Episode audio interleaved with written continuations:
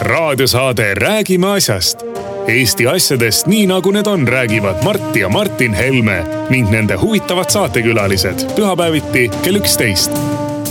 loe põnevate teemade kohta rohkem ka uudisteportaalist uueduudised.ee tere tulemast kuulama raadiosaadet Räägime asjast.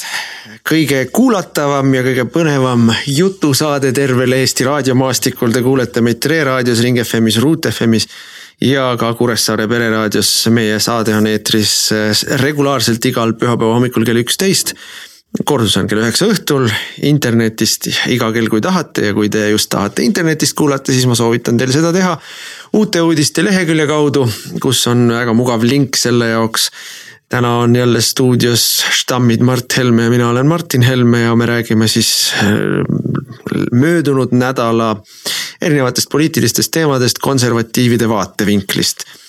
Ma ütleks vahele seda, et jah, see kutsung ütleb, et ja nende huvitavad saatekülalised. Me oleme, me oleme tööga nii ära tapetud, et ausalt öeldes enne stuudiosse minekut alles meenub, et pagan oleks võinud ju mõne huvitava saatekülalise kutsuda, aga siis on juba hilja. aga me püüame ennast parandada. ja eks no huvitavaid vahetevahel ikka kutsume ka ja, aga aga mis on need tänased teemad, meie tänased teemad, me proovime rääkida sellest natuke, võib-olla natuke avame Rail Balticu poleemikat, mis siin eel, meie eelmise saate tegelikult suhteliselt lühikesest väikesest kõrvalepõikest äh, õudse raginaga käima läks ja mis minu meelest on väga hea, et läks käima. meil on vaja seda väga kaalukat ühiskondlikku teemat ju ikkagi lahata. me räägime äh, ERR-i nõukogust, äh, mida nüüd siis menetles kultuurikomisjon sellel nädalal riigikogus siis räägime sellest, et tänaseks päevaks on Ameerikas üheselt ja veenvalt tõestatud FBI ja muu süvariigi Äh, jõhkratest, jõhkrast seaduserikkumisest Trumpi vastu. vaenutegevus Donald Trumpi äh, vastu ja, ja noh, tegelikult noh, me võime siin näha äh, seda mingis, mingil määral, mida me näeme filmis Bourne, Jason Bourne ja, ja tema. Bourne'i sündroom. igasugused muud asjad mm., ma ei tea, neli või viis osa, mis seda järgi on tehtud. kus siis ka süvariik manipuleerib ühiskonnaga, inimestega ja nii edasi ja nii edasi et ega see kõik ei pruugigi olla nii ainult fantastika. no need võtted, mis Ameerikas on nüüdseks paljastatud, on ikka väga jõhkrad, et räägime neist mõne sõnaga, sest et meie progressiivne baaskonsensusel olev vasakpoolne meedia ei ole sellest praktiliselt ei noh, seda ei eksisteeri, see on ju. Mari-Ann Rohemägi ei ole teinud pilava häälega raportaaže Washingtonist, kus ta meile, meile noh ülimalt ärevas toonis teatab demokraatiale varitsevast ohust millegipärast. aga räägime siis ka demokraatiale varitsevast ohust eh, maailma suurimas demokraatias Ameerika Ühendriikides selle läbi, et Joe Bidenil on ahistamisskandaal kaelas ja erinevalt eh, sellest, eh, kui Kavanaugh, pea ülemkohtunik Kavanaugh ahistamissüüdistused, mis kõik olid väljamõeldised ja mis kõik said aru esimesel hetkel, kui need ja välja käidi. kogu vaba maailma, nüüd juba võib varsti öelda jutumärkides vaba maailma peavoolumeedia ketras nädalate ja nädalate kaupa praktiliselt peauudisena. ja et aga Joe Bidenist me ei, ei ole kuulnud väga no, palju veeruudis ja siis on võib-olla sellega seoses on, teeme väikse, väikese nagu kokkuvõtte sellest, et on nii-öelda demokraatia demokraatia tervise selline mingi pingerida tehtud Freedom House'i poolt, kus Eesti sai justkui head punktid, aga tegelikult Eesti, Eesti. noh, ühesõnaga sellest võiks ka rääkida, aga ma alustaksin sellest, mis on selle nädala kõige toredam uudis kui on see, et tuli välja iganädalane küsitlus, mille teeb siis Ühiskonnauuringute Instituut koos Norstatiga ja mis näitas meie erakonnale kenat protsenti, me oleme seal üle kaheksateistkümne protsendi. peaaegu üheksateist. ja, ja aga mis on tähelepanuväärne, on see, et eh, mikspärast see protsent on nagu huvitav, ei ole mitte see, et oleks ta on, esiteks on ta muidugi ka täpne, ta on üsna täpne, eh, kui me võrdleme nende mõõtmisi valimistulemustega, siis ta on üsna, üsna täpne olnud. Eh, ja põhjus, miks ta on täpne olnud, on see, et neil on väga suur valim aga mis, mis teeb ta kõige põnevamaks, on see, et ta on regulaarselt iganädalane küsitlus on.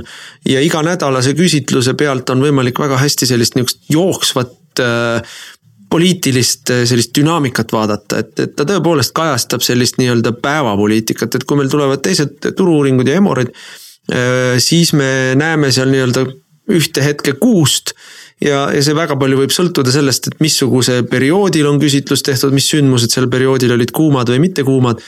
Ja, ja, ja tal on nagu selle noh, see, see nii-öelda ajaviide on seal suurem, aga see nädalane näitab tegelikult, peegeldab siis ütleme selle möödunud nädala mingisuguseid poliitilisi põhilisi arutelusid või, või üldiselt ühiskondlikke hoiakuid. Ja ta selle tõttu on üsna kõikuv aga ta nii-öelda nelja nädala keskmine annab jälle äh, vastupidiselt päris ilusa stabiilse pildi ja suhteliselt sarnased on tihtilugu ka nende Emorite ja, ja, ja, ja turu-uuringutega. aga, aga kõikumist on seal rohkem, sest mida me näeme nende nädalaste küsitluste põhjal? Ja selle jaoks, et nädalasi näha, selle jaoks tuleb muidugi minna sinna ühiskonnauuringute instituudi kodulehele ja, ja seftida natukene siis peen, peentrüki sees. On, on siis just nimelt selline trend ja seda trendi vaadates me näeme, et meil on ütleme laias laastus eriolukorra ajal on see protsent läinud niimoodi päris kenas sellises joones ülespoole. no umbes protsendise sammuga ja. nädalas. jah, et, et see on, see on see, mis nagu mulle seal selles mõttes kõige rohkem silma jääb, mis, mis ja mis mulle ütleb mida. ütleb seda, et inimesed usaldavad ja hindavad äh, laiemalt kogu valitsuse tegevust eriolukorra ajal hoolimata sellest, et meedia ja opositsioon noh, alguses küll olid pisut ehmunud ja pisut kuidagi ei osanud leida seda nurka, mille, millega valitsust tümitada, üsna kiiresti nad selle nurga leidsid üles, alguses nad olid kriitilised, et me ei teinud liiga et me ei teinud nii piisavalt kiiresti piisavalt karme meetmeid. kui me need ära tegime, siis kohe keerati plaadil teine külge ja öeldi, et liiga palju ja, ja liiga kaua on need meetmed aga avalikkus selgelt toetab neid meetmeid, et seda me näeme nendest protsentidest kõikidele ka koalitsioonierakondadele, noh, ütleme Isamaa protsent on seal olnud üsna stabiilne ja üsna, üsna, üsna, üsna väike, eks ole, on see nende protsent on ju pikalt. aga ka Keskerakonna tegelikult toetus on tõusnud Keskerakonnal nüüd viimane nädal oli natuke langenud, aga noh, see, need on niisugused. aga ma ütlen veel kord, nädala kõikumine on võib-olla seal päris suur, mitme protsendi ringis. ei, need on sellised noh täiesti tavapärased kõikumised, ega noh, ükski küsitlus ei saa olla ju absoluutse sajaprotsendilise täpsusega. et noh, jah, ma ütleks, et ega meie kallid partnerid on püüdnud meid ju tegelikult vaikselt ka pildil hoida nii vähe kui võimalik. juhin tähelepanu sellele, et kõik need terviseameti igapäevased infotunnid, mis siin Tallinna superministeeriumi pressiruumis on toimunud, mitte ühtegi korda ei ole meie erakonna esindaja nendel pressibriifingutel äh, olnud, mitte ühtegi korda. ja mis on veel selles mõttes eriti spetsiifiliselt vaja täpsustada, et Kaimar Karu käis korra, aga ta ei ole meie erakonna liige kunagi olnud. ta ei ole meie erakonna liige ja, ja noh, ta ei ole nüüd ka enam valitsuse liige. aga põhimõtteliselt meid on sellest eemale hoitud kogu aeg ja. ega ei ole ka ise toppinud ennast. ja, ja noh, kogu au on püüdnud endale võtta ikkagi kõikide asjade väljakuulutamisel peaminister mis on iseenesestmõistetav, sellepärast et ta on eriolukorra juht ja, ja peabki olema see nägu ja suu, mis suhtleb inimestega. aga ma olen üsna veendunud siiski ka selles, et, et see töö, mida me oleme teinud nii erikomisjonis kui valitsuses ja olnud tegelikult suures osas see survegrupp, et otsuseid langetatakse mõistuspäraselt, otsuseid langetatakse optimaalsel ajahetkel see on jõudnud ikkagi avalikkuse teadvusesse. aga muide siin seoses sellega, et sa peaministrit äh, mainisid äh, ju meedias, kui ma nüüd õigesti meenutan, ma ei mäleta, ühesõnaga kuskil seal selles ütleme siis Luige meediagrupis, kas see oli Delfi või Päevaleht või Ekspress, ma enam ei, ei mäleta, aga seal oli noh, selline seal oli selline halvustav lugu sellest, kuidas kui teistes riikides eriolukorras on peaministri populaarsus tõusnud, siis vot Eestis mitte aga see oli noh, selgelt eksitav väide. Äh, sest et võrreldud oli erinevaid äh, küsimusi ja, ja küsimustele saadud vastuseid, et kui teistes riikides on küsitud, kas te toetate valitsust ja valitsusjuhti eriolukorraga toimetulemisel, siis saadakse jah, seal protsendid, kus saadakse seitsekümmend, mõnes riigis isegi kaheksakümmend protsenti. Eesti taolises riigis, mis on ju väga polariseerunud ja, ja ühiskond noh, väga nii-öelda pooleks Äh, saame me siin kuuskümmend kaheksa või mingid sellised protsendid selgelt üle, üle kahe, ütleme kaks kolmandikku selgelt toetab äh, peaministrit äh, eriolukorras. mis on täiesti kena number, mõnes riigis on ta küll veel kenam. aga, aga noh, Eesti puhul ei saa küll kuidagi öelda, et, et see number on niru või, või kehvakene. Mida siis ajakirjanikud sinna kõrvale panid, ütleme võrdluses teiste riikide selle küsimusega. panid siis küsimuse kõrvale, et keda te soovite üldse näha peaministrina. ehk siis noh, sisuliselt parteilist eelistust küsiti. ja, ja seal on number hoopis teine, seal on tõepoolest see number kusagil kolmekümnendate keskpaigas, mis on küll ka Ratase puhul ikkagi kõikidest teistest erakonna juhtidest kõrgem. aga, aga noh ütleme poole võrra väiksem, kui see teise küsimuse asetuse puhul tulemus on ka Eestis. kui sa küsid, kas te toetate eriolukorras või eriolukorraga hakkama saamist, siis sa saad seal kuskil kaks kolmandikku, nii nagu kuskil Soomes, Rootsis äh, on, eks ju ja, ja kui sa küsiksid ka Soomes, keda te toetate peaministrina, siis sa saaksid seal ka mingi kahekümne või kolmekümne protsendised vastused. et, et selles mõttes ka ma arvan, et avalikkuse toetus äh, peaministrile selles kriisis on olnud täiesti üheselt selge noh, ja olles nüüd äh, kaks kuud selles eriolukorras olnud ja, ja lõpmatu arv tunde veetnud nendel aruteludel ja analüüside kuulamisel ja, ja analüüside edasisel analüüsimisel. no ega siin ei olegi midagi öelda, peaminister on äh, selgelt võtnud selga kogu koorma ja, ja olnud see, olnud see hobune, kes on siis seda koormat kannatlikult vedanud, ega meil ei ole põhjust öelda, et Jüri Ratas ei ole teinud tööd, Jüri Ratas on teinud tööd. ja, aga samas me ei saa öelda ka kellegi teise kohta valitsuses. et nad, keegi teine ei ole teinud tööd, kõik on teinud tööd, ma ütleks, et eriolukord on küll kohutavalt väsitanud inimesi, valitsuse liikmeid aga mitte ainult valitsuse liikmeid, meiega istub ju ka koosolekutel suur osa riigikantseleist, kaasatud on ministeeriumite, küll kantslerid, asekantslerid ja muud spetsialistid. et see koorem, see koorem on olnud kõikidel ja mõningatel puhkudel on poliitikud oma otsused ära teinud ja ametnikud on jäänud neid siis tagantjärele veel vormistama. et need siis läheksid äh, Riigi Teatajatesse ja, ja avalikkusesse ja nii edasi et see koorem on olnud, on olnud äh, väga ränk ja väga suur. ja ühest küljest see on kõiki kohutavalt väsitanud. teisest küljest ma ütleks, et äh, me oleme üksteist palju paremini tundma õppinud ja me oleme äh, palju sujuvamalt meeskonnana töötama hakanud ja, ja ma ütleksin selle kõige peale, et opositsioon nutab isaraid no mitte seitse puuda soola, aga ühe puuda soola oleme nüüd ära söönud kindlasti jah, ja, ja ja kunagi analüü-, lugesin ühte ühte poliitilise ajaloo raamatut äh, Winston Churchillist ja, ja.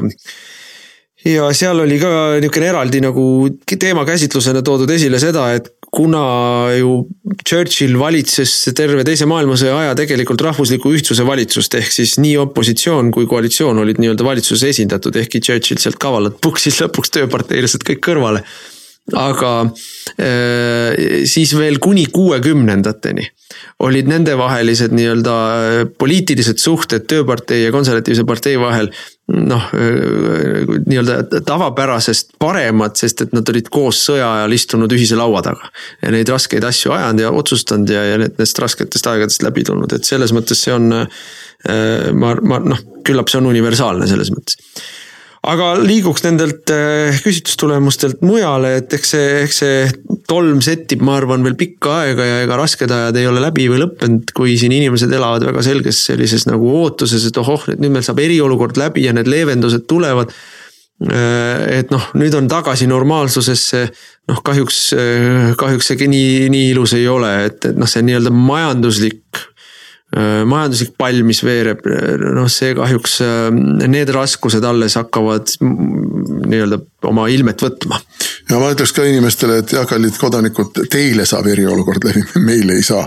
sest et äh, meil on tarvis praegu suvel, kui noh, juba puht klimaatiliselt ja ilmastikuliselt olukord muutub mõnusamaks ja meeldivamaks.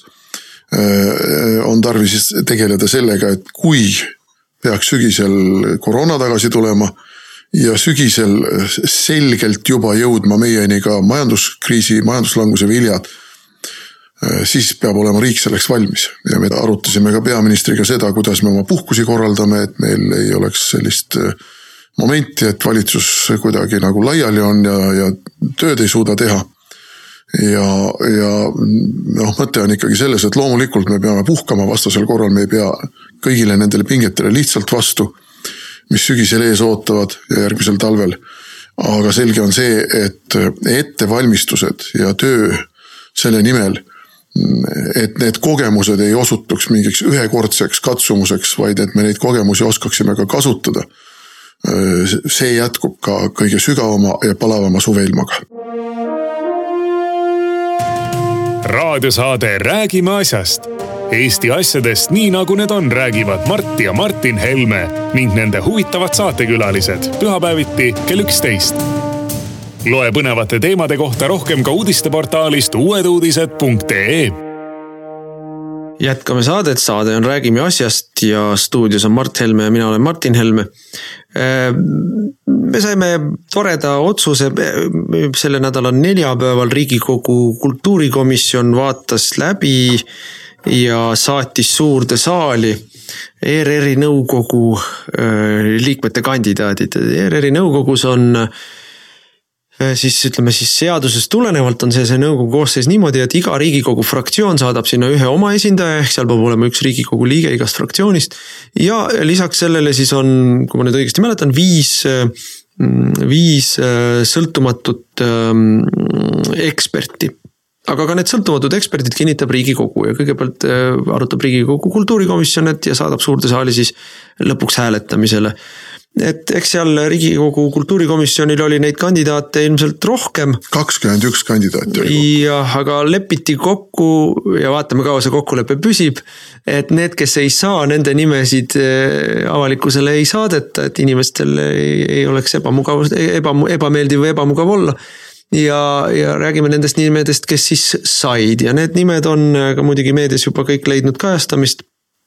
Priit Hõbemägi Äh, Viktor Trasberg ja äh, Peeter Espak. ja nüüd on ähm, muidugi nagu võis arvata, äh, alustaks võib-olla sellest, et, et kas keegi kujutab ette või on pahane selle peale, et see valik on koalitsioonile siis soodne või meelepärane mina mäletan seda, et kui me riigikogusse saime valituks kaks tuhat viisteist aastal, siis üks esimesi asju, mida seal riigikogus siis tegema hakati, tol korral sai täpselt samamoodi, kuna see on viieaastase sammuga. Äh, kinnitatakse viieks aastaks need sõltumatud eksperdid. sai läbi eelmise portsu sõltumatute ekspertide äh, tähtaeg ja nimetati uued nimed. ja kuna toonane koalitsioon, mis olid siis Reformierakond, Isamaa ja sotsid, läksid omavahel tülli. Nad ei suutnud kokku leppida nendes nimedes siis oli võimalus, et vähemalt mõne nendest nimedest suudab läbi sisse sokutada või läbi suruda ka opositsioon. ja tookord muidugi monumentaalselt munas selle võimaluse maha Vabaerakond, kes läks appi Reformierakonnale ja andis need puudujäävad, koalitsioonis puudujäävad hääled ning aitas saada reformikatel väga selgelt parteiliselt, ütleme, mitte isegi parteiliselt, vaid väga selgelt ideoloogiliselt jah, siin tuleb vahet teha, parteilisus ja ideoloogia. jah, ideoloogiliselt äh, noh, selgelt siis liberaalsed, et et, et, et mitte öelda siis äh, progressiivsed sellised ideoloogilised võitlejad sinna ERR-i nõukogusse. Nii et, et tookord, äh, tookord see oli üks esimesi kohti, kus ma kohutavalt vihastasin Vabaerakonna peale, et nad noh, noh, kas, kas siis rumalusest või, või mingitel muudel motiividel tegelikult aitasid äh, Reformierakonnal äh, hoida ERR-i nõukogu endale soodsas või meelepärases sellises äh, ideoloogilisel väljal nüüd muidugi Reformierakond on esimene, kes, kes kritiseerib meid, et, ähm, et need nõukogu liikmed, kes nüüd on siis äh, suurde saali saadetud, et, et neil, et need, nendel on mingisugune maailmavaade. et kujutad ette, inimestel ei tohiks olla maailmavaadet või et nendel olev maailmavaade kujutate ette, ei olegi öö, liberaalse baaskonsensuse maailmavaade.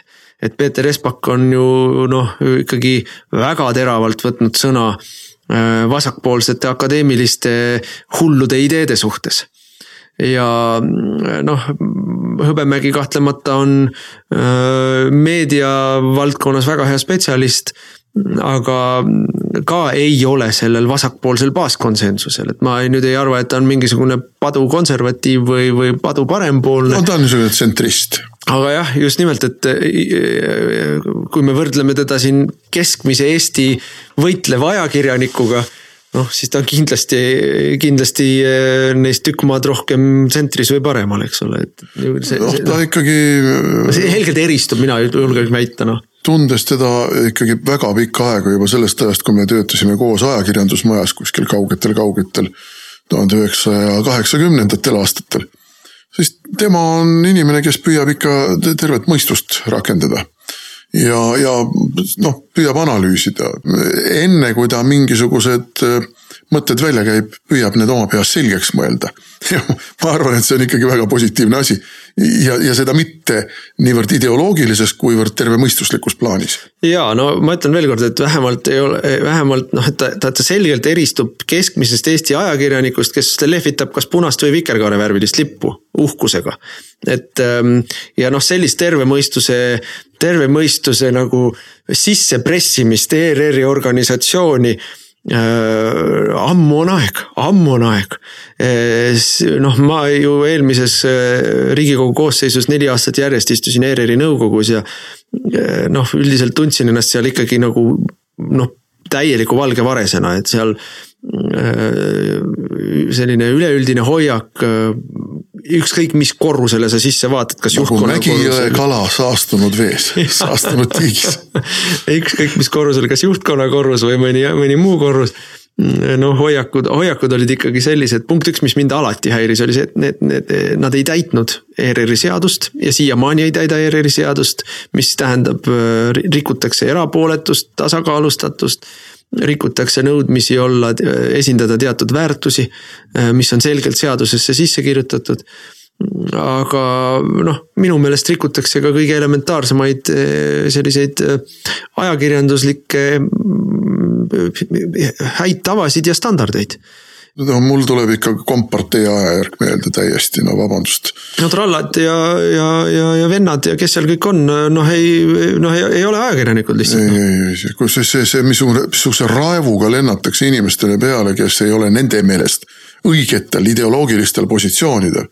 noh, no ma ei tea, no see see on ikka uskumatu ja see on meie kõigi rahaga ülalpeetav rahvusringhääling mis väidab, et ta on kõige tasakaalukam ja ta on kõige erapooletum ja no ei ole. tegelikult ikkagi probleem äh, taandub sellele, et äh, inimesed elavadki ettekujutuses, et nad ei tee midagi valesti, et nad teevad kõike kõige paremini ja, ja noh mm, kui on võimalik inimestel ennast. ega see oli nõukogude ajal täpselt samuti. ma ei hakka siin nimetama mõningate tuntud äh, praeguste riigiteenistujate ja, ja ka Äh, muidu avaliku elu tegelaste või avalikkuses tuntud inimeste vanemate nimesid, kes töötasid tol ajal Eesti Televisioonis ja, ja, ja raadios, Eesti Raadios. ja kes noh, ikka, ikka, ikka raevunult ründasid ka kaheksakümnendatel aastatel nii-öelda kodanlikke natsionaliste ja, ja, ja kes võitlesid ikkagi viimase hetkeni Eesti Vabariigi saabumise vastu. muidugi sujuvalt vahetades positsiooni siis, kui enam vaja ei olnud, et, et, et noh see, aga need inimesed olid ka veendunud selles, et nad teevad õiget tööd.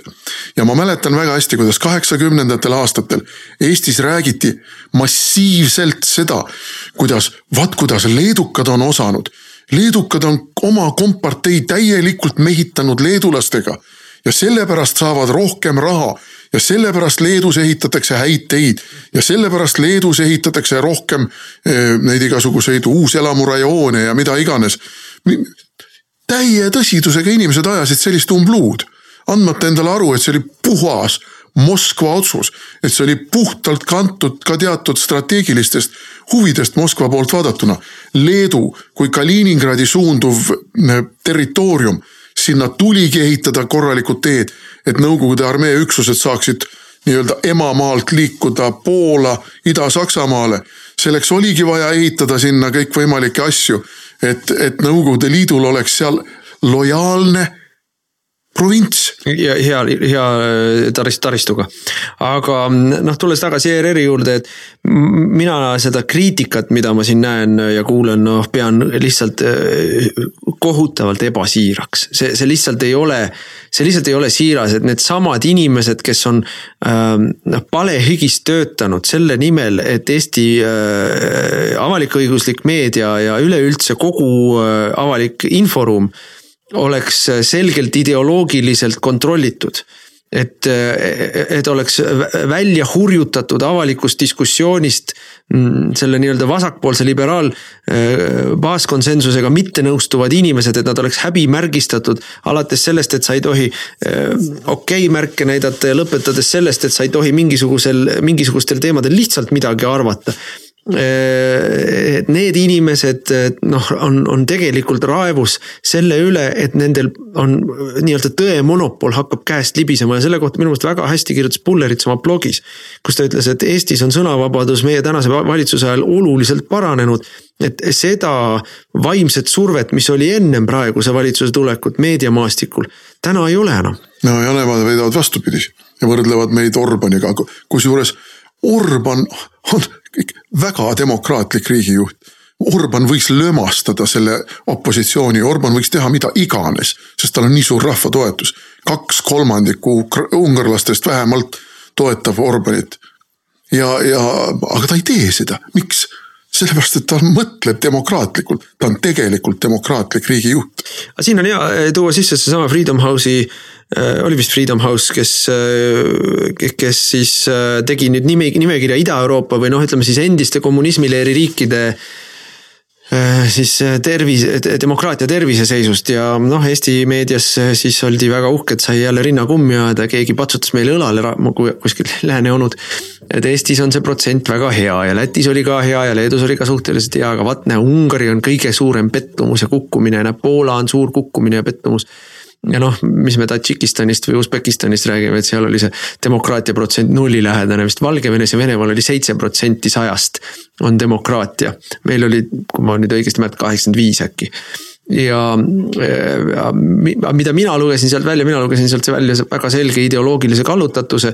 muuhulgas tuli see ideoloogiline kallutatus välja ju sellest, mis oli kriitika Eesti suunas, et praeguse valitsuse ajal on, on, on, on, on, on tuntav või noh, on kurdetakse selle üle, et ajakirjanikel on tekkinud hirm noh, ma ütleksin niimoodi, et noh, ju, ju seal ma seda peenkirja ei lugenud ja seda raportit ise ei, ei lugenud, aga. aga noh, küllap seal viidatakse jälle äh, Ahto Lobjaka ja Vilja Kiisleri elegantsele töökohavahetusele et, et see, kedagi ei ole küll lahti lastud, aga näe, meil siin toimuvad tohutud repressioonid, inimesed panid pauguga ukse endal selja tagant kinni, et nemad ei ole nõus viisaka sõnakasutusega, kui äh, tööandja seda nõuab et eh, noh, see minu meelest reedab selle raporti noh, selgelt ideoloogilist kallutatust. no Orbani juurde korraks läheks tagasi, käisin. aga seal noh, seda, seda Orbanit oli seal eriliselt õelalt kritiseeritud ja Poolat ka loomulikult ja mida see näitab, on see, et aga need on riigid, kes oma iseseisva asja ajavad. aga need on ju tegelikult tühised tegelased, kes kritiseerivad Orbanit, kritiseerivad Ungarit. Need on ju mingid tühised lääne, ma ei oska öelda oportunistlikud tuulenuusutajad. enamasti mingid vasakpoolsed või liberaalsed äh, noh, nii-öelda akadeemikud ka. aga ma tahtsin Orbani kohta öelda niimoodi, et ma käisin enam-vähem aasta tagasi, natuke vähem kui aasta tagasi käisin äh, Ungaris ja, ja mind võeti seal ikka ülima pidulikkusega vastu. no ja ma Orbaniga kohtumise järel, kui ta saatis mind äh, välja ja seal oli auvahtkond, kes mõõkadega vehkis kõik ja kahurit lasi. ütlesin, et noh, et, et olen mõnevõrra üllatunud, et te mind nii kõrgel tasemel ja nii pidulikult vastu võtate. ja siis ta ütles, et Ungari riik on rohkem kui tuhat aastat vana. avaldades lugupidamist oma külaliste vastu, avaldame me lugupidamist oma riigi ja oma rahva vastu. minu arvates siin on väga sügav mõte just nimelt, et see nii-öelda riigi traditsioon, noh ka Poolas, kellel see riigi traditsioon on võib-olla mõnes mõttes isegi valusam või traagilisem.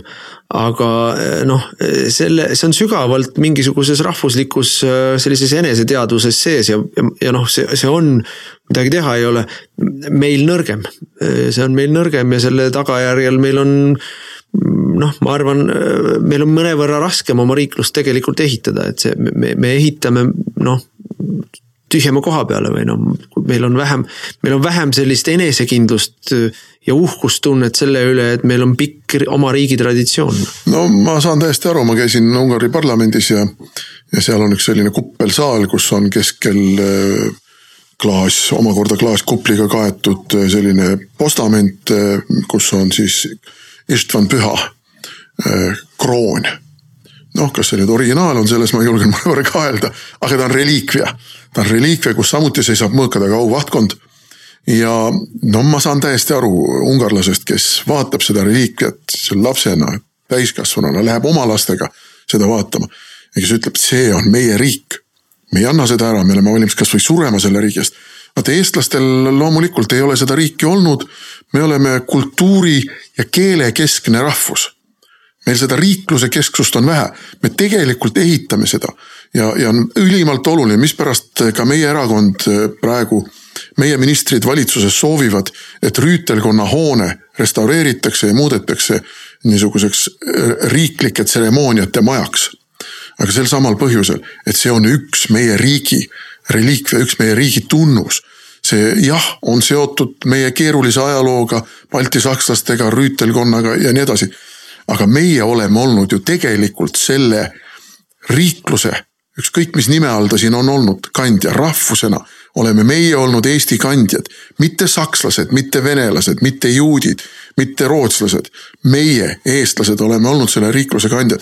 Ja, ja see, et me iga aastaga, iga aastakümnega seda suhtumist, seda tunnetust, et see on ju tegelikult meie riik olnud, sest kõik ülejäänud on siit läinud aga meie oleme olemas. vot selle tunnetuse tekitamine ja selle tunnetuse viimine iga eestlase teadvusesse ja südamesse selle jaoks peabki ERR tegema seda, mida just seadus nimelt, ütleb, mitte kogu aeg õõnestama seda hoiakut, mida ta teeb minu meelest süstemaatiliselt juba pikka aega. ja, ja see, ja see õõnestustegevus noh, on vastuvõetamatu.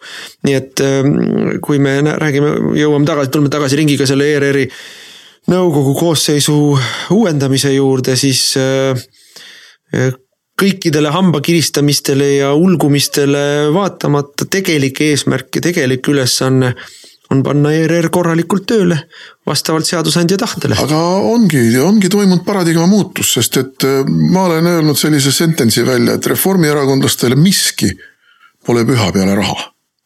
peale raha ja ahnuse ja, ja, ja see vii-, ongi viinud kõik tasakaalust välja. ka sellesama ERR-i ja kõik muu siin riigis. Ja nüüd me oleme paradigma nihke teinud ja toome tagasi teisi väärtusi. sellele sõditakse ju vastu. see ongi see kultuurisõda ja ideoloogiline võitlus, mis käib. et see senine materialistlik, vasakliberaalsel baaskonsensusel, globalismil põhinev väärtushinnangute andmine on kaitseseisundisse surutud, ta ei ole veel purustatud, ta on kaitseseisundisse surutud. Raadiosaade Räägime asjast. Eesti asjadest nii nagu need on, räägivad Mart ja Martin Helme ning nende huvitavad saatekülalised pühapäeviti kell üksteist. loe põnevate teemade kohta rohkem ka uudisteportaalist uueduudised.ee jätkame saadet ja räägime järgmisest äh, teemast, mis äh, tore tõdeda, et meie saade on popp ja leiab tähelepanelikku kuulamist.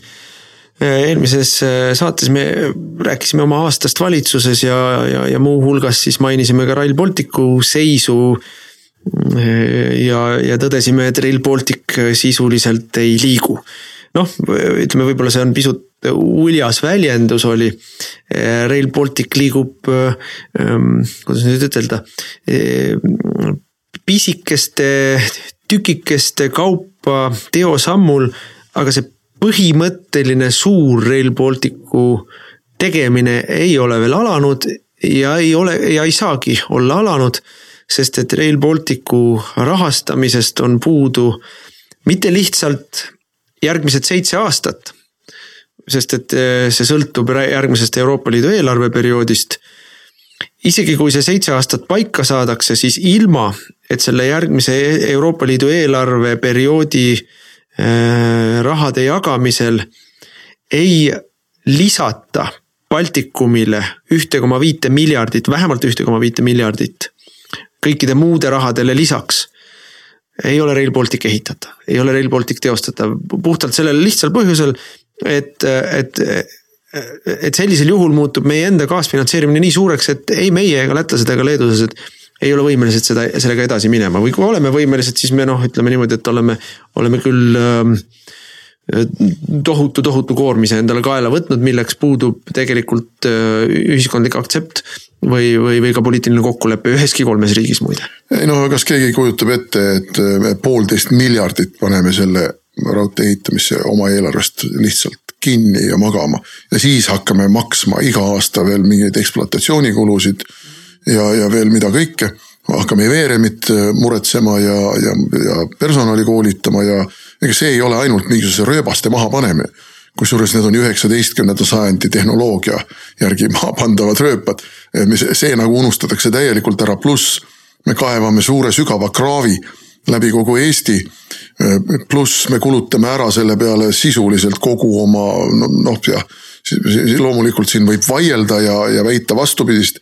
Aga kui me ka ei kuluta ära oma kruusa, liiva ja ma ei tea, mille varusid, siis peame me seda kuskilt sisse ostma ja, ja kui me, kui me siis ära kulutame, siis me peame pärast seda sisse ostma. nii et noh, siin on tegelikult ju oponendid kõik need puudused ammu-ammu välja toonud, aga ei, ikka tambitakse edasi, ikka tambitakse edasi. ja see, mida meie ütlesime, see on ju, vastab tõele. ja see, mida praegu nüüd oponendid püüdsid eelmise nädala vältel äh, välja tuua, et meie, meie seisukohti ümber lükata, ei lükka meie seisukohti ümber see, et Rail Balticut ehitatakse ja tuuakse näiteks, et Pärnusse ehitatakse uus jaamahoone ja Ülemistele uus kaubajaamahoone ja nii edasi. jah, aga need on kõik eraldivõetavad objektid Need ei ole seotud omavahel mingi raudteeliiniga. raudtee ei ühenda neid asju. me võime ju ehitada Pärnusse jaamahoone ja pärast muuta selle kultuurimajaks, ma ei tea, milleks iganes kui me selleks saame. no loodetavasti hakkab ikka rong Pärnusse sõitma aga ma, igal juhul. aga ja, ja me oleme ju koalitsioonilepingusse selgelt kirjutanud, kui see Euroopa poolne finantseerimine jääb alla kaheksakümne ühe protsendi, siis me võtame teema uuesti lauale ja muuhulgas vaatame ümber ka trassi. ja see on seal selge sõnaga öeldud. trass tähendab seda, et kui me oleme ehitanud Pärnusse jaamahoone ja oleme ehitanud siin Ülemistele igasuguseid asju ja, ja, ja, ja nii edasi, siis me saame vanal Pärnu trassil seda rekonstrueerides tekitada raudteeliikluse Tallinna ja Pärnu vahel, mida on väga vaja. no siin on võib-olla mõned niuksed äh, suured sellised, äh, suured põhi, põhiasjad oleks vaja ära markeerida, et. noh, mida muidugi opositsioon võttis kohe kinni, üritas hakata, eks ole, valitsuses äh, mingit sellist tüli suurt valitsuses olevat tüli puhuma ülesse. et ma arvan, et see oh, ei ole tõsiseltvõetav, et kõik teavad, meie erakond on eitaval seisukohal Rail Balticu suhtes olnud algusest saadik. Ja kõik teavad, et valitsusse minnes me olime siin pärast väga ägedat ja rasket vaidlust lõpuks nõus selle kompromissiga, et Rail Baltic ut selli-, senisel planeeritud kujul võib jätkata, kui sellele on tagatud põhimõtteliselt välisrahastus, kus, kui, kui meie oma raha sellest on väike. nüüd meie vastuses Rail Balticule on kahetahuline, üks väga oluline tahk on siis see nii-öelda trassi valik. ja see, ja seal, seal on omakorda mitu erinevat probleemi selle trassi, see on nii, nii keskkonnapõhine kui ka majandusliku mõttekuse küsimus olemasolevate trasside väljasuretamine ja kõik need asjad, mis sellega kaasnevad. Need on vaidlused, mis on Eesti ühiskonnas ammu läbi käidud ja ma arvan, et siin ollakse mm, noh, poliitilises mõttes ega keegi oma seisukohti väga ei muuda ja teine küsimus on raha küsimus, et, et, et see on hiigelkallis projekt, mis on, kui me siin Läti näidet vaatame, Läti esimesed siis ütleme jupid, Läti on veidi kaugemale jõudnud, Läti esimesed jupid läksid esialgsest hinnangust vist umbes kaks pool korda kallimaks ehk need, need meie nii-öelda finantsilised prognoosid, mis on tehtud, sellest, kus on tasuvuspunkt, kui palju ta üldse maksma läheb, kui palju, kui suur on investeering. kui investeering läheb mingisugusest piirist suuremaks, mm, siis see ju loomulikult äh, nihutab tasuvuspunkti, ütleme, kui me, kui me kulutame noh, piltlikult öeldes pooleteist miljardi asemel noh, ütleme neli miljardit, nagu selle Läti äh, näite puhul võiks öelda siis see võtab ju aega äh, mitte kakskümmend viis aastat, et ennast ära tasuda, vaid see võtab aega seitsekümmend viis aastat, et ennast ära tasuda, ehk siis äh, noh, tegelikult ta ei ole äratasuv projekt nii või teisiti. Et, et noh, see raha pool on, on noh, eriti minu jaoks äh, palju noh, väga suur oluline argument. osadel inimestel on see keskkonna argument olulisem, teistele on raha argument, aga kahe peale kokku need on igal juhul mõlemad väga kaalukad argumendid ja eh, ju me ikka teadsime, mida me, mida me läbi räägime või mida me kokku lepime, kui me selle kompromissiga eh, koalitsiooni minnes valmis olime, nõus olime. Eh, mina juba tookord väga selgelt nägin ette, et Euroopa Liidu järgmisest rahastamisperioodist ei ole kuigi kindel, et me saame selle kaasrahastusprotsendi jätkuvalt sama suure nagu, nagu alguses on lubatud ja tänaseks päevaks on see selge, et nii ongi puudu on suurusjärgus poolteist miljardit eurot, võib-olla natuke rohkem isegi. kui seda poolteist miljardit eurot ei ole, siis vahet ei ole, kas me räägime kaheksakümne viiest, kaheksakümne ühest, kaheksakümnest protsendist, ta ei tule ligilähedalegi sinna. siis me räägime mingisugusest heal juhul, ma ei tea, viie-kuuekümne protsendisest kaasrahastamisest Euroopa Liidu poolt. sellisel juhul see projekt noh, absoluutselt ei tule kõne allagi, et me jätkame sellise, sellise, kui me peame pool rahast ise panema. see ei tule kõne allagi noh. no ja sel ajal ei teadnud keegi ju koroonakriisist ja majanduskriisist tundki veel näha. ja aga noh, ma juhiks tähelepanu ka kalendrile. maade omandamine Rail Balticu tarvis peaks lõppema aastal kaks tuhat kakskümmend kaks aga aastal kaks tuhat kakskümmend kolm on juba uued riigikogu valimised. no ma tahaks näha seda kamikaatset, kes sööstab lahingusse Rail Balticu lippude all aastal kaks tuhat kakskümmend kolm, sest ilmselge on see, et äh, rahva vastuseis, mis on olnud äh, noh, kuskil suurusjärk viie, viiekümne, kuuekümne protsendi vahel, ei ole selleks ajaks mitte vähenenud vaid pigem kasvanud, sest äh, majanduskriis, mis meid paratamatult tabab, sellest me oleme täna juba rääkinud, teeb omad korrektiivid ja inimestel on oma särk ihule kõige ligemal. ja kui öeldakse, aga nüüd sõbrad, hakkame Poola piirile tupikusse sõitma Rail Balticuga ja selle jaoks on meil vaja riigieelarvest eraldada nii ja nii palju rohkem raha. no selle peale inimesed ütlevad lihtsalt böö no noh, ma võib-olla siin kõrvutaks või et, et inimestel tekitada perspektiivitunne, mis asi on poolteist miljardit puuduolevat raha. kogu meie majanduspäästepakett on samas suurusjärgus.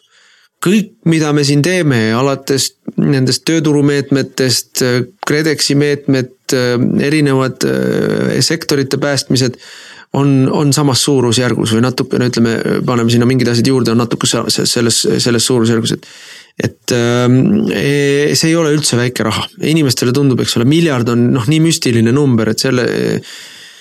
miljard on tuhat tuhandet ja igas tuhandes on omakorda, igas miljonis on omakorda tuhat tuhandet, eks ole, et see on nii, need on nii suured rahad, et äh, seda inimesed ei, ei, ei pruugi.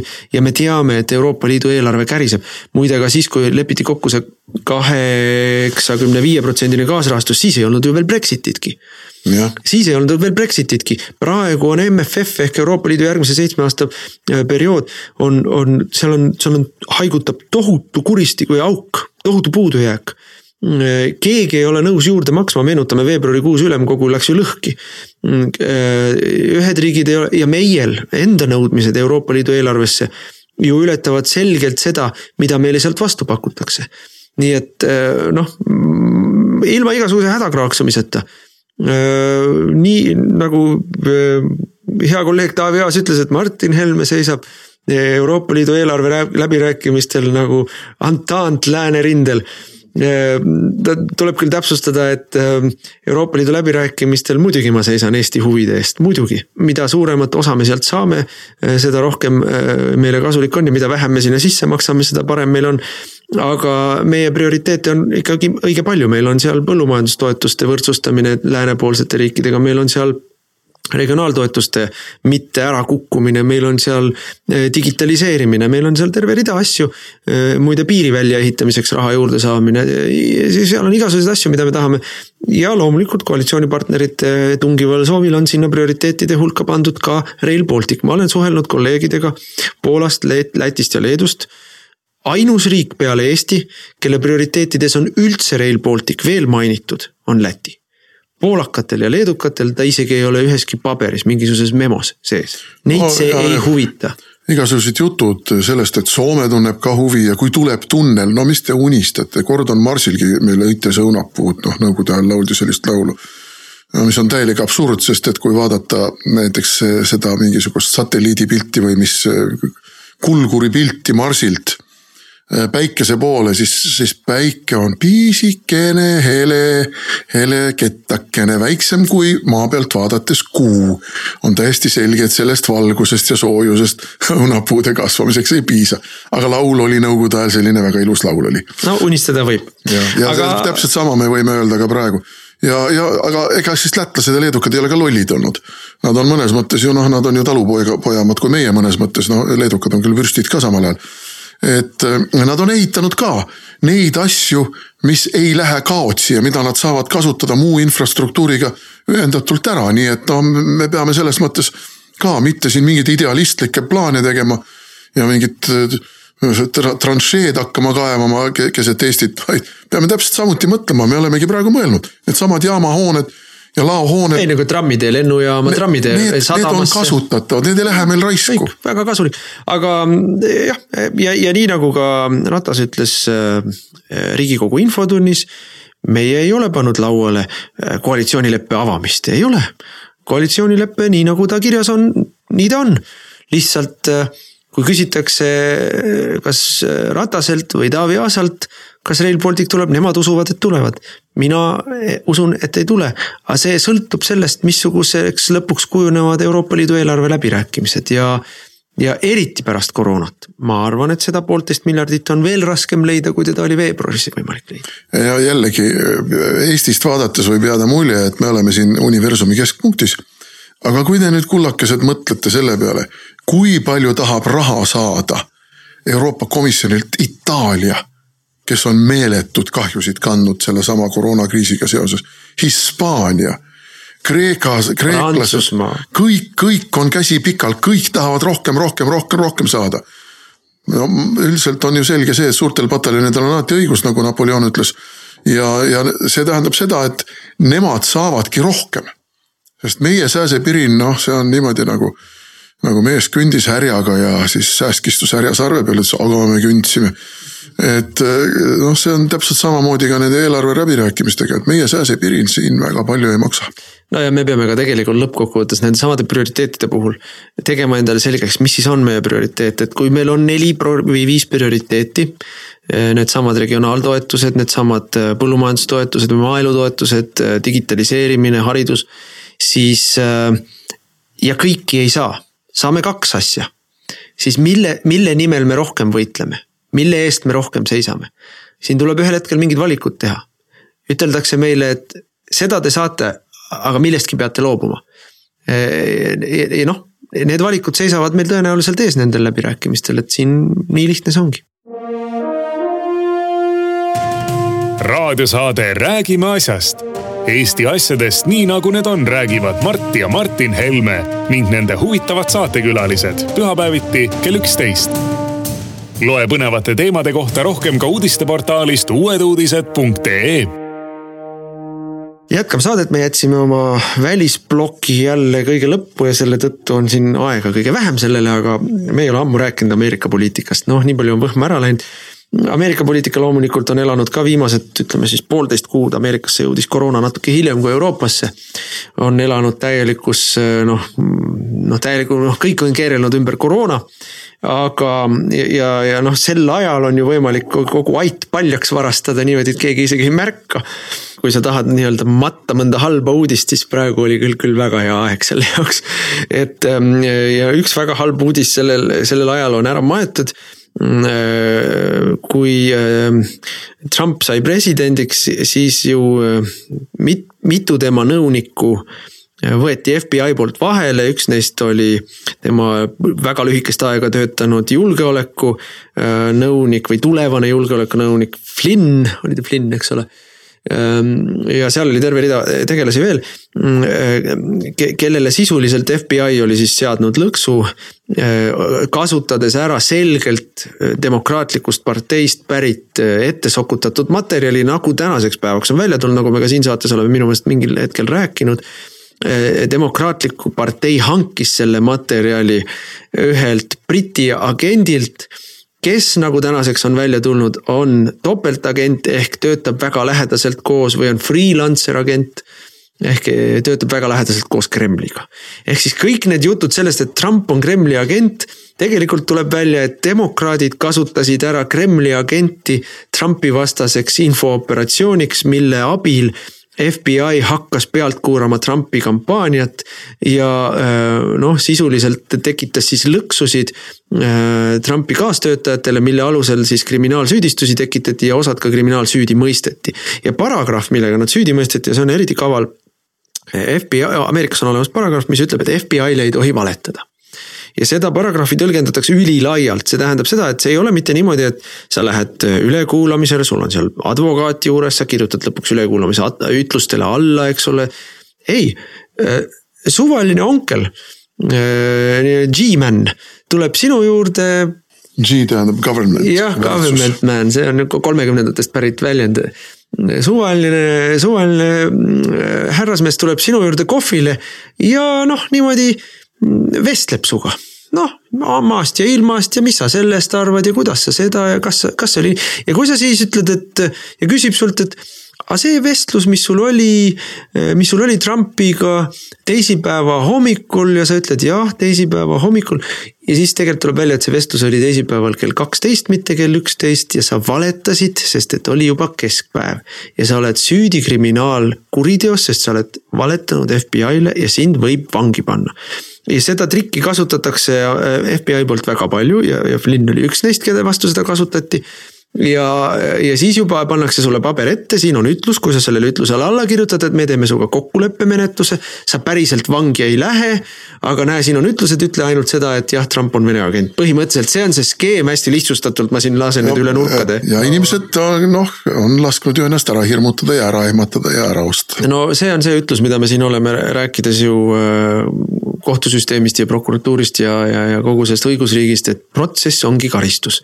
protsess võib kesta aastaid ja aastaid ja aastaid ja seesama härra Flynn, kes oli äh, äh eluaeg olnud riigiametnik ehk siis sõjaväelane äh,. pankrotistati ainuüksi selle läbi, et ta oli, oli sunnitud endale palkama advokaate, tema advokaadi kulud selle aja jooksul, kui FBI-ga ta nii-öelda, ta oli uurimise all, olid, ma ei tea, vist poolteist miljonit dollarit või midagi sellist. kõik tema elusäästud läksid siuhti ja lõpuks ta kirjutas ikkagi alla sellele kokkuleppele ja, ja nüüd äh, on esinenud siis äh, kohtule avaldusega, kus ta soovib oma selle kokkuleppemenetluse tagasi võtta, sest et lõpuks ometi kongressis toimunud uuringute tagajärjel pärast pikki käteväänamisi, pärast teist justiitsministrid, Trumpi justiitsministrid, esimene ei saanud sellega hakkama, William Barr on sellega hakkama saanud. ja on, on siis õnnestunud välja kaevata erinevad dokumendid, mis on siis tõestanud seda, kogu seda sündmuste ahelat ja kogu seda korruptsiooni, mis on olnud siis selle, selles nii-öelda Ameerika süvariigis, kes töötas. ja ma noh, juhin tähelepanu ikkagi sellele kõige õõvastavama osale. mida siis tegelikult Ameerika süvariik või FBI tegi? ta täitis võimul oleva valitsuse tellimustööd opositsioonierakonna kampaania pealtkuulamiseks, kahjustamiseks ja kriminaalasjadega kiusamiseks ja takistamiseks. see on kõige ehedam banaanivabariik, see on midagi sellist, mida noh, millega, mis just nimelt tegeletakse Venemaal või, või Valgevenes või Venezuelas, eks ole. ja, ja, ja, ja, ja, ja peaaegu õnnestus, peaaegu edukalt jah, noh Barriga olen ma põgusalt kohtunud ja muidugi selle põgusa kohtumise peale ma ütlen niimoodi, et see on tõepoolest selline tank inimene. tank inimene, kes eh, sõidab üle nendest, kes talle tee peale ette jäävad ja, ja kuna ta on Trumpi meeskonna liige ja eh, ilmselgelt soovib seda jällegi poliitilist paradigmat, mis on seni Ameerikas olnud ja demokraatide ajal noh, sõna otseses mõtteks normiks muudeti. soovib seda, seda tagasi pöörata, soovib seda laiali peksta, soovib taastada normaalset õigusriiki, siis loomulikult kogu see süsteem töötab sellele vastu. aga nad kaotavad positsioone kogu aeg. nojah, ma ütleksin, mis on nagu väga selgelt noh, mind kohutavalt vihastab see, et see kogu Eesti ajakirjanduses sellest ei ole piiksugi, nii nagu ei ole piiksugi sellest, no üks piiks oli, et Joe Bidenil on, on siis äh, ahistamissüüdistused ja, vä ja väga, väga räiged kusjuures. neljateistaastasele äh, siis äh, tütarlaps, kes tema juurde tuli praktikandiks, oli neljateistaastane ja sellele ta läks siis nii-öelda no ütleme siis väidetavalt tuleb siia juurde öelda käperdama teda ja, ja siis lõpus muidugi maksti talle eest, et see tüdruk oleks vait. ja, ja, ja seda asja mätsitakse kinni paaniliselt, aga äh, need on kõik asjad, mis on olnud, äh, kus on inimesed, kes on ütlused, kus on dokumendid ja asjad. ja küllap see kerib edasi, seda ei ole võimalik lõputult kinni mätsida, aga noh, kõrvu lukustav vaikus meedias. aga kõige toredam on see, kui siis lõppude lõpuks selgub, et Biden äh, peab loobuma kandideerimisest selle kõige tulemusena ja demokraatidel polegi kandidaati või tuleb siis. ei tea, äkki tuleb härra Bernie, äkki tuleb härra Bernie jah, ehkki nüüd on seal unistatud, et äkki tuleb äh, New Yorgi kuberner Cuomo, kes on olnud siin üks suur sangar koroonakriisi ajal, ma küll ei saa aru, miks. kogu Ameerika vasakpoolne, paduvasakpoolne meedia on teda. ühishaudade kaevaja. ja heroiseerinud, kuigi, kuigi äh, New York, äh, New Yorgi linnas on siis surmade arv on neljakordistunud võrreldes tavapärasega liberaalid suutsid ju isegi koroonast teha ideoloogilise eh, teema. Eh, musti on koroona tagajärjel surnud palju rohkem kui valgeid mõtle kui õudne, isegi koroona. isegi koroona on rassist ja, ja, ja no kõik on rassistid, noh kui, kui sa oled vasakpoolne, siis kogu maailm on rassist, noh kõik on rassistid kogu aeg, sest seksistid ja rassistid, välja arvatud, et Joe Biden ei ole seksist. kuigi ta on, kuigi ta on praegu jäänud sõna otseses mõttes käppapidi vahele ahistamissüüdistusega, siin me too vaikib. siin ei ole mingit me too'd ja kui me meenutame ja noh, mis tekitab nagu Ameerika siis sisepoliitikas sellist erilist pahameelt on, et meil on nagu väga värske võrdlus sellelt, kuidas needsamad ajakirjanikud ja needsamad äh, poliitikud, kes, kes nüüd tor-, on tormanud Joe Bidenit kaitsma.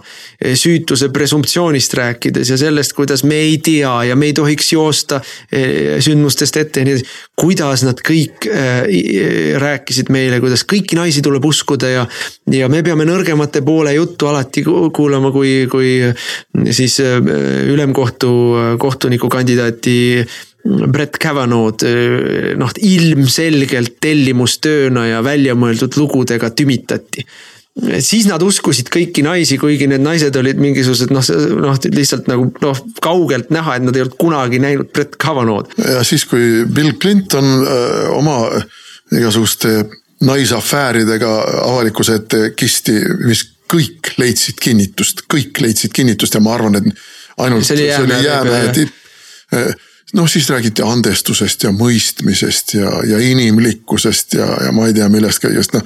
ma ütlen, eelmises saates ma ütlesin ka, et liberaalide alatusel ei ole põhja. seda me näeme ka praegu selles, kogu selles loos.